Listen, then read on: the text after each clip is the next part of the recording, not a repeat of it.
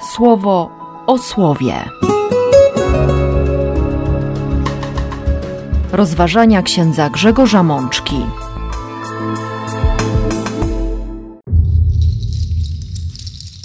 Druga niedziela wielkanocna, czyli Miłosierdzia Bożego, rok C.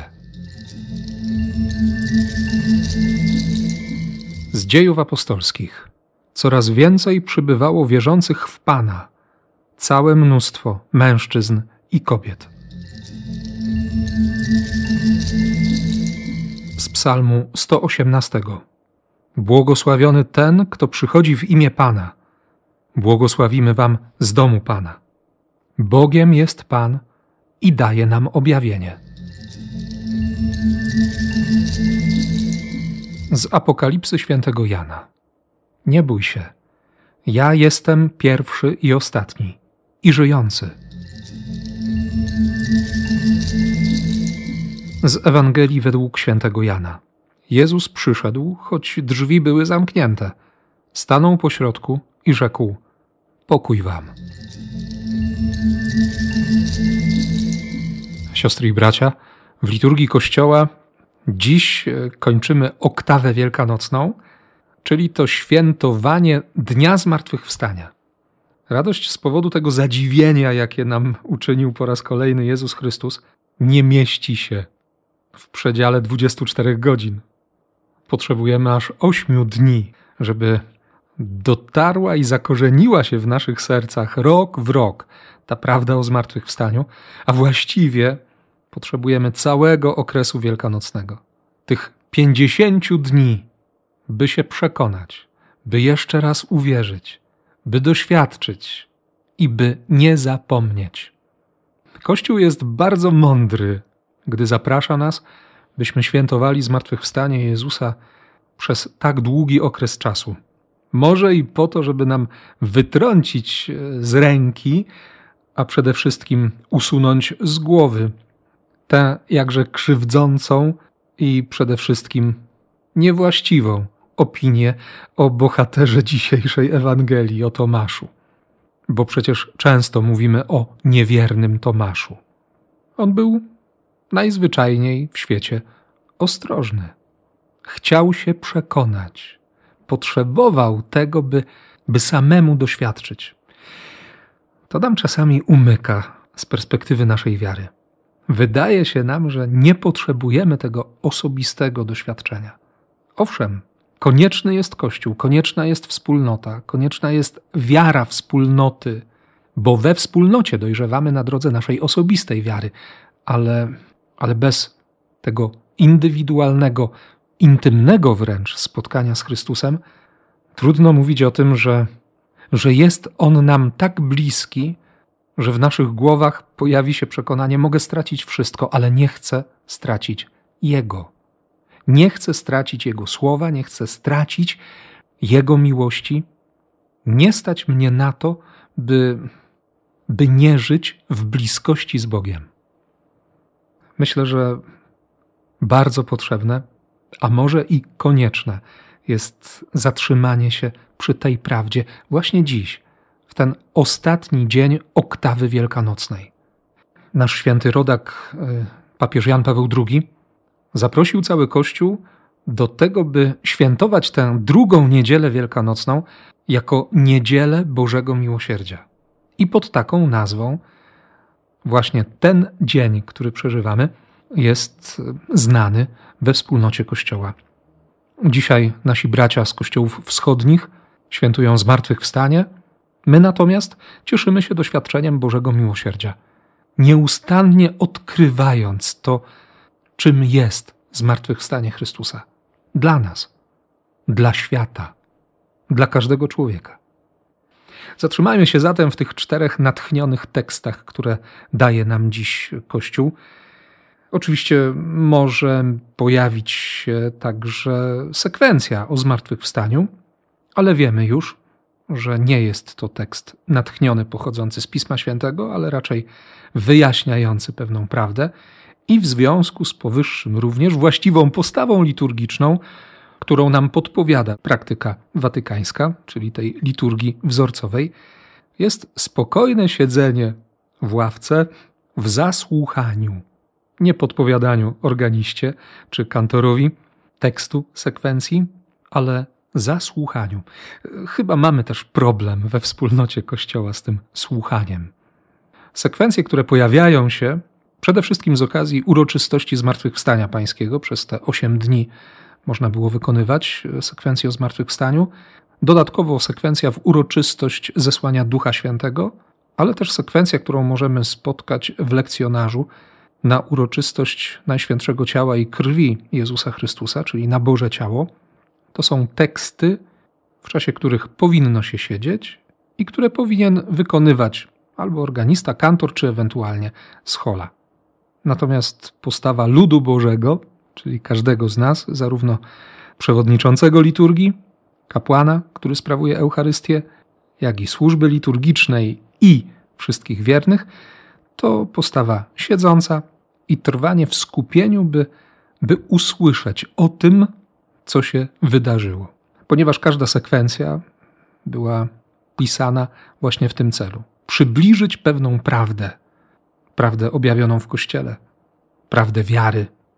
I tekst sekwencji jest traktowany jako tekst pobożny, niekoniecznie jako tekst modlitwy, nawet jeśli, jeśli używamy, jak na przykład w Boże Ciało, przepięknego hymnu przypisywanego świętemu Tomaszowi Zakwinu. Ale wróćmy do tekstów natchnionych. Cztery słowa. Fragment piątego rozdziału Dziejów Apostolskich, kilka wersetów z Psalmu 118, doskonale nam znanego, bo wykonywanego przez całą oktawę wielkanocną, otwarcie Apokalipsy, czyli fragment pierwszego rozdziału Apokalipsy świętego Jana, i wreszcie kilkanaście wersetów z dwudziestego rozdziału Ewangelii w redakcji świętego Jana, z tego pierwszego zakończenia Ewangelii. Bo wiemy dobrze, że rozdział 21 jest e, drugim zakończeniem. A zatem dzieje apostolskie. Warto wrócić do sytuacji, która bezpośrednio poprzedza dzisiejszy tekst, mianowicie do historii Ananiasza i Safiry. Zaznaczy autor dziejów apostolskich, że, że ten człowiek razem ze swoją żoną sprzedali swoją własność, ale zatrzymali sobie za obopólną zgodą część pieniędzy. Nie było to niczym złym. Choć było powszechną praktyką w tych pierwszych miesiącach i latach działalności Kościoła, że jeśli ktoś przyjmował chrzest i autentycznie zmieniał swoje życie, to był zdolny również do tego, aby, aby sprzedając e, swoją własność, przynieść pieniądze i złożyć u stóp apostołów, po to, by Kościół dysponował wszystkim, co wcześniej do mnie należało. Otrzymałem wiarę Kościele i dlatego daję Kościołowi wszystko. Kościołowi, czyli wspólnocie, na rzecz biednych, potrzebujących, by nie głodowali ci, którzy głoszą słowo i sprawują sakramenty, i temu zajęciu poświęcają większość e, dnia, i tak dalej, i tak dalej. Natomiast, jeśli ktoś chciał przeznaczyć na wspólnotę tylko część swojego majątku, mógł to zrobić. Zawsze chodziło o wolność i o szczerość. Natomiast to małżeństwo Ananiasz i Safira skłamali przed Piotrem. Zresztą święty Piotr powiedział, że skłamali wobec Ducha Świętego, twierdząc, że przynieśli całą kwotę uzyskaną ze sprzedaży swojej własności. I nagle okazało się, że ta nieszczerość, a właściwie chciwość, doprowadziła do ich nagłej śmierci. Dlaczego o tym wspominam? Warto wrócić do tego, co co wcześniej jeszcze powiedział Jezus. Poznacie prawdę i ona was wyzwoli. Co to znaczy poznać prawdę? Wyzwalająca jest świadomość tego, że Bóg kocha mnie, grzesznika, że Bóg daruje mi wszystkie grzechy, że Chrystus odkupił całe moje życie. Nie muszę przed nim udawać, nie muszę ukrywać mojej wstydliwej przeszłości i nie powinienem zamykać przed nim drzwi, które prowadzą mrocznymi korytarzami do naprawdę ciemnych miejsc w mojej historii. Konieczna jest przejrzystość, bo tylko w ten sposób, na szczerości, na przejrzystości, na autentycznym i absolutnym otwarciu swojego serca przed Bogiem, można zbudować relacje, można budować miłość. A że jako ludzie, i to jest jeden ze skutków grzechu pierworodnego, mamy w sobie pewne wycofanie, stosujemy, często bardzo nieświadomie, zasadę ograniczonego zaufania, i to szczególnie właśnie wobec Boga, potrzebujemy nieustannego nawracania się. Potrzebujemy Kościoła, w którym poznajemy prawdę, w którym doświadczamy przebaczenia i w którym odkrywamy Boga, który naprawdę jest Bogiem miłosierdzia, jest Bogiem ratującym. Dlatego czytamy w dziejach apostolskich, że za wstawiennictwem apostołów dokonywało się wiele znaków i cudów i że wszyscy zbierali się razem pod portykiem Salomona. To teren niedaleko bramy zwanej Piękną. Myślę, że wielu z Was kojarzy to miejsce, w którym Piotr podniósł człowieka, który nigdy nie chodził, i nagle okazało się, że ten człowiek zaczyna skakać, zaczyna wielbić Boga. Może zwyczajnie i normalnie chodzić. Nagle zmieniło się całe jego życie. Zaczął inaczej patrzeć. Ten portyk Salomona zamykał teren świątynny właśnie od strony wschodniej. Tam, tam gdzie stawał też Jezus wcześniej, gdzie mówił o sobie: Jeśli ktoś jest spragniony, niech przyjdzie do mnie, niech pije. Również w tym miejscu Jezus kilka razy powiedział do Żydów: Ja jestem. Za co zresztą ci bardziej gorliwi chcieli go zabić, ponieważ sądzili, że, że popełnia świętokradztwo, że bluźni. Autor dziejów apostolskich zaznaczy jednocześnie, że coraz więcej przybywało wierzących w Pana. I było to również związane z konkretnymi znakami, z uzdrowieniami. Na ulicę wynoszono chorych, aby gdy Piotr przechodzi, choćby jego cień padł na każdego z nich. Kim trzeba być, że nawet w cieniu jest moc uzdrawiania, jest łaska, jest charyzmat? Jak bardzo trzeba być w cieniu Jezusa, jak ogromną pokorę trzeba mieć, żeby się zgodzić na to, że cień uzdrawia, że pewien brak światła, bo przecież e, cień jest ciemny, jest swego rodzaju ciemnością, że tam też jest szansa na uzdrowienie. Z drugiej strony, cień daje świadectwo o tym, że ktoś chodzi w świetle, że ktoś chodzi w prawdzie, bo to światło Chrystusa jest światłem prawdziwym, jest prawdą. Bardzo piękny obraz Kościoła, który pokazują nam dzieje apostolskie właśnie w piątym rozdziale, między dwunastym a szesnastym wersetem. I komentarzem do tego tekstu są, a jakże, kolejne wersety wybrane z Psalmu 118. Mnie dziś zatrzymał ostatni z tych wersetów, które usłyszymy w liturgii, czyli początek wersetu 27. Bogiem jest Pan i daje nam objawienie. Autor psalmu stwierdza bardzo konkretnie, bardzo wyraźnie, bez jakichkolwiek niedomówień: Bogiem jest Pan. Daje nam objawienie. Odsłania przed nami nasz Pan i Bóg tajemnice swojej miłości.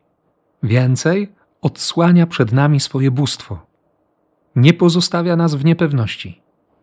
Jest tym, który nas pociesza, który nas ratuje, który okazuje nam miłosierdzie, który się o nas troszczy, który jest dla nas Bogiem i jednocześnie sprawia, że my jesteśmy Jego ludem. To wołanie z Księgi Powtórzonego Prawa, Księgi Kapłańskiej, Księgi Wyjścia, Księgi Liczb absolutnie się nie zdezaktualizowało. Ono wciąż jest świeże. Ono się dzieje dziś, bo to wołanie, to słowo ma moc sprawczą, tak jak każde słowo Boga. Bóg mówi i to słowo się staje. To słowo żyje. Przecież my wierzymy, że to słowo Boga jest osobą. Jest osobą Jezusa Chrystusa. Jest osobą, której na imię Jezus Chrystus. I ten właśnie Bóg odsłania nam siebie. Czyli robi apokalipsę. Myślę, że wielu z nas wie i, i, nie trzeba przypominać, a jeśli trzeba, to po prostu przypominam, że apokalipsa to znaczy dosłownie odsłonięcie, odkrycie pokrywki, żeby zajrzeć do środka garnka, żeby zobaczyć, co jest za zasłoną. Tym jest właśnie apokalipsa objawieniem, odkryciem, odsłonięciem. I święty Jan, który, który przebywa na Patmos z powodu Słowa Bożego i świadectwa Jezusa, jednocześnie określa siebie, że jest naszym bratem i współuczestnikiem w doznawaniu ucisku i w królowaniu i w trwaniu w Jezusie. Dokładnie z tego powodu znalazł się na Patmos. Został tam zesłany do tego przedsionka piekła, gdzie wydawało się, że naprawdę tam nie ma nadziei, że jest to miejsce opuszczone przez Boga, zapomniane przez Boga. Prawdopodobnie święty Jan nawiązuje tutaj do prześladowania z czasów Domicjana, okolice 95 roku naszej ery. I właśnie tam, na Patmos, owładnięty przez ducha w dniu pańskim, czyli w dzień zmartwychwstania, słyszy polecenie: Zapisz w księdze, co widzisz. Wyślij do siedmiu kościołów. Siedem to pełnia. Jan ma świadomość tego, że to, co zobaczy, jest ważne dla całego kościoła, dla całej wspólnoty. Oczywiście on nie jest tym, który jako pierwszy doświadczy takiego spojrzenia. Można mówić i o Henochu, i o Eliaszu. Święty Paweł był porwany do trzeciego nieba. Ale o ile żadna z wcześniejszych osób porwanych do nieba, czy przebywających w tej tajemnicy Bożej miłości, niebiańskiej tajemnicy miłości, żadna z tych osób nie przyniosła jakiejś wiadomości, a przynajmniej nie chcieli podzielić się tym, co tam zobaczyli, o tyle Jan otrzymuje polecenie, by to wszystko spisać, by tę odsłoniętą tajemnicę miłości przekazać Kościołowi. I przeczytamy w kolejnych wersetach, że Janowi ukazuje się Jezus. Syn człowieczy, ale w takiej postaci, w tym ciele uwielbionym, że Jan pada jak martwy. I co robi Jezus? Kładzie na niego prawą rękę i mówi: Nie bój się, nie bój się. Ja jestem pierwszy i ostatni i żyjący.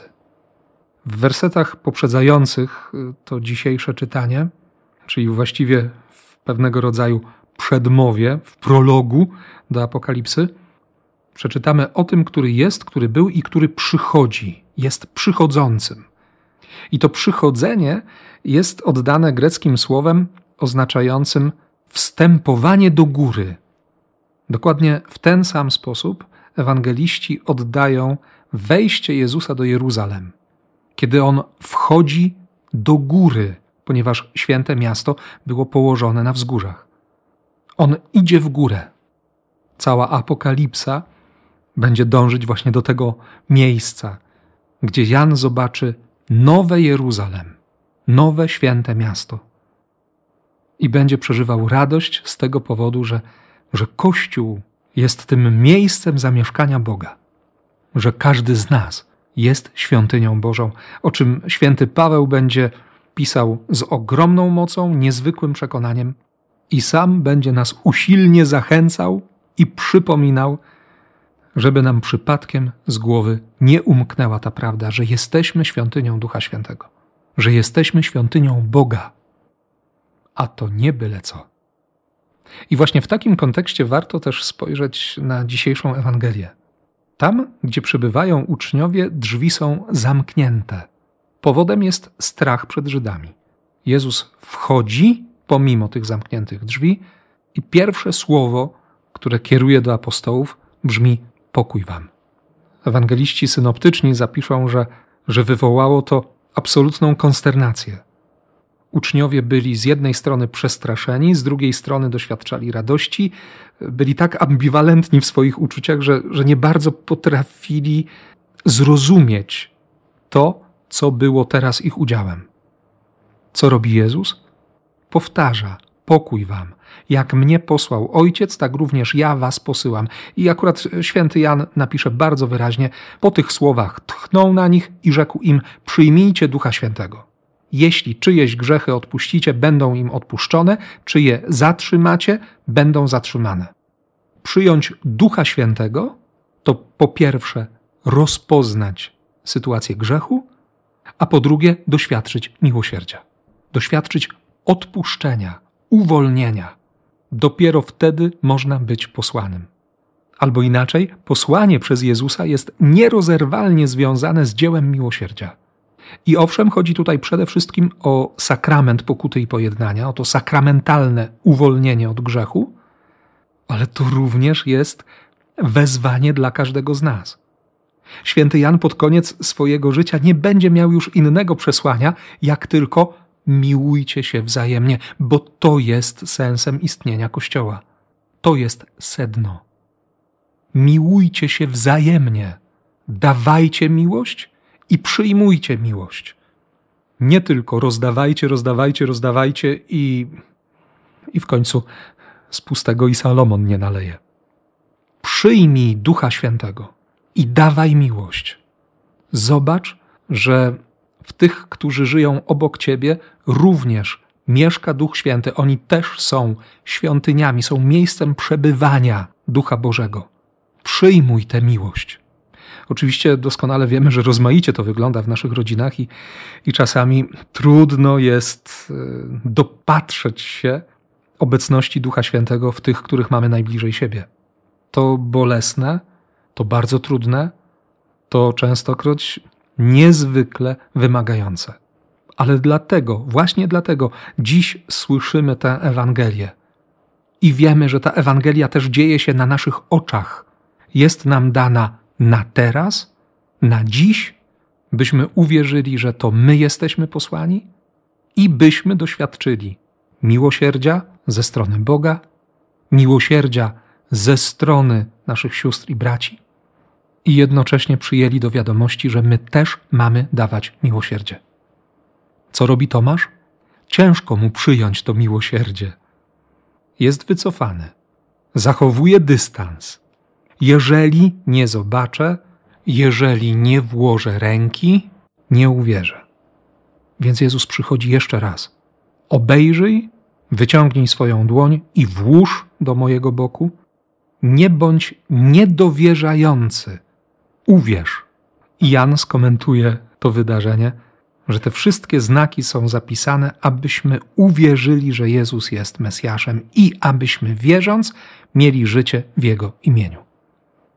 Uwierzyć, że to się wydarzyło dla naszego zbawienia, uwierzyć, że nikt z nas nie jest pominięty, nikt z nas nie znajdzie się nigdy poza granicami Bożego Miłosierdzia, ponieważ Jego miłosierdzie nie zna granic i również nikt z nas nie może powiedzieć, że, że On nie potrafi kochać, nie potrafi dawać miłości, miłosierdzia, bo przecież jesteśmy świątynią Ducha Świętego.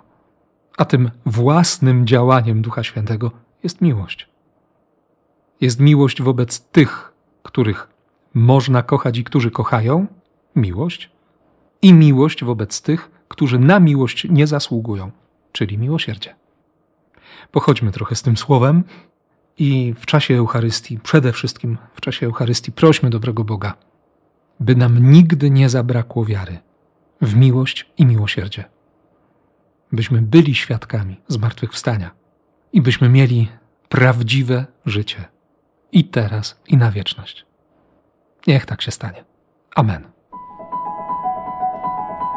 Słowo o słowie.